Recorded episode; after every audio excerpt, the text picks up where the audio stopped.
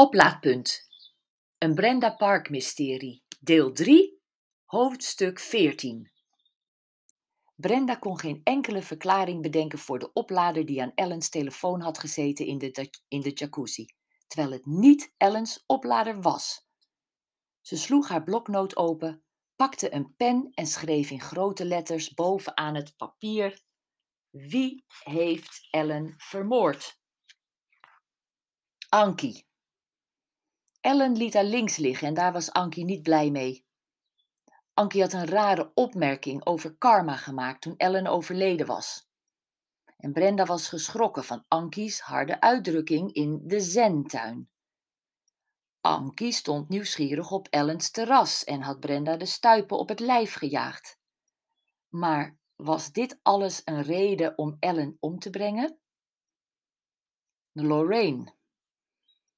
Ellen kende Lorraine's accountantskantoor en Lorraine's partners, haar echtgenoot en de collega die Lorraine's verborgen lesbian lover was. Lorraine had daar op de eerste avond onder invloed van een paar wijntjes in combinatie met oververmoeidheid zonder gêne over gesproken. En vanmiddag was Lorraine woedend op zichzelf geworden omdat ze zo loslippig was geweest. Was Lorraine zo bang dat Ellen haar geheim aan haar echtgenoot zou vertellen dat ze haar het zwijgen had opgelegd?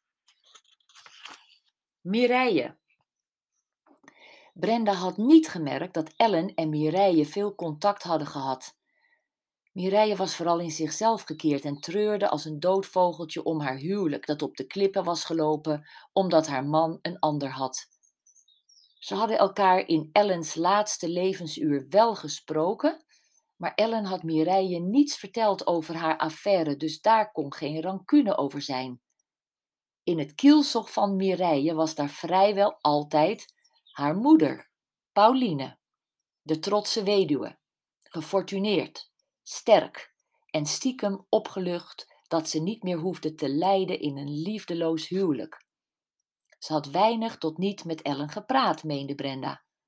Ze had zich tot nu toe vooral vermaakt met het bewonderen van de knappe Portugese mannen en met de bijzondere massages van Jonathan. Jonathan. Hij had wel wat te winnen bij Ellens onfortuinlijke dood. Ze had een klacht over hem ingediend bij Louis Cardozo, de directeur. Als uit zou komen wat Jonathan uithaalde met zijn cliëntes, zouden de poppen aan het dansen zijn Louis zou hem moeten ontslaan, maar had Louis ook niet een en ander te verliezen als Ellen haar zin had gehad? Louis Cardozo, de directeur van het vijfsterren Lindo Algarve Spa Resort. Voor slechte recensies was hij als de dood. Brenda grijnsde over de woordspeling.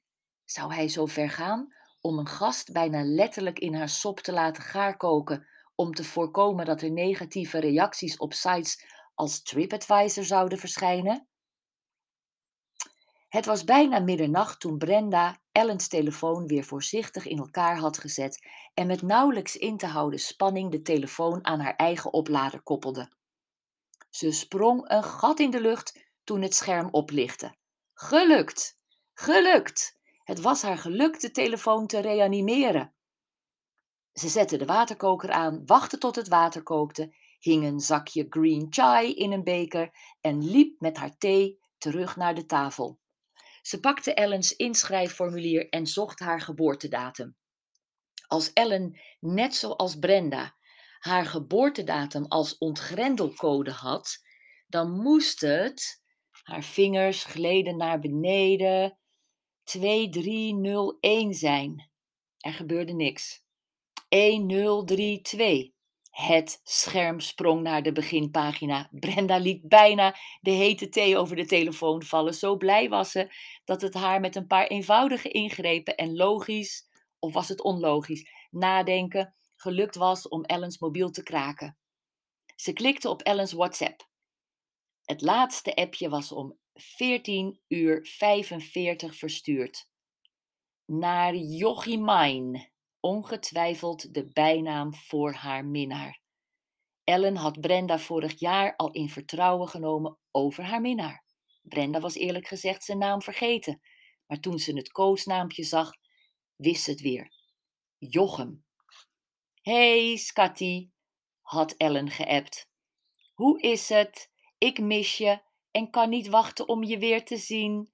En vooral te voelen. Love you. Brenda checkte de telefoonlijst en de e-mails. Het was duidelijk. Ellen was na kwart voor drie niet meer op haar telefoon geweest.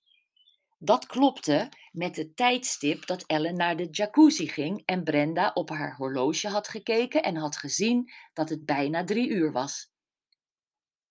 Ze sloeg haar hand voor haar mond.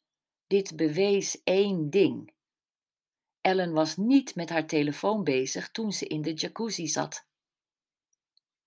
Brenda leunde achterover en wreef met haar vuisten in haar ogen. Brenda had Ellen tegen half vijf gevonden. Degene die Ellen het zwijgen op wilde leggen, had bijna anderhalf uur de tijd gehad. Of was het dan toch een ongeluk? Maar hoe dan? Brenda liep naar de schuifdeur van haar terras en duwde hem open. Ze had frisse lucht nodig om na te denken. De avondbries was een ferme wind geworden en een grote vlaag blies alle uitgespreide inschrijfformulieren van haar deelnemsters van tafel. De papieren dwarrelden door de kamer. Brenda viel op haar knieën en raapte ze bij elkaar. Haar oog viel op een naam aan het eind van de zin personen die ingelicht moeten worden in een noodgeval. Daar stond het. Jochem Meinders, echtgenoot. Hè? Was Ellen zo mal om het telefoonnummer van haar minnaar op haar inschrijfformulier in te vullen en hem haar echtgenoot te noemen? Ze keek bovenaan het papier om te checken dat het Ellens formulier was. Maar ze las een andere naam. Het was het inschrijfformulier van Mireille.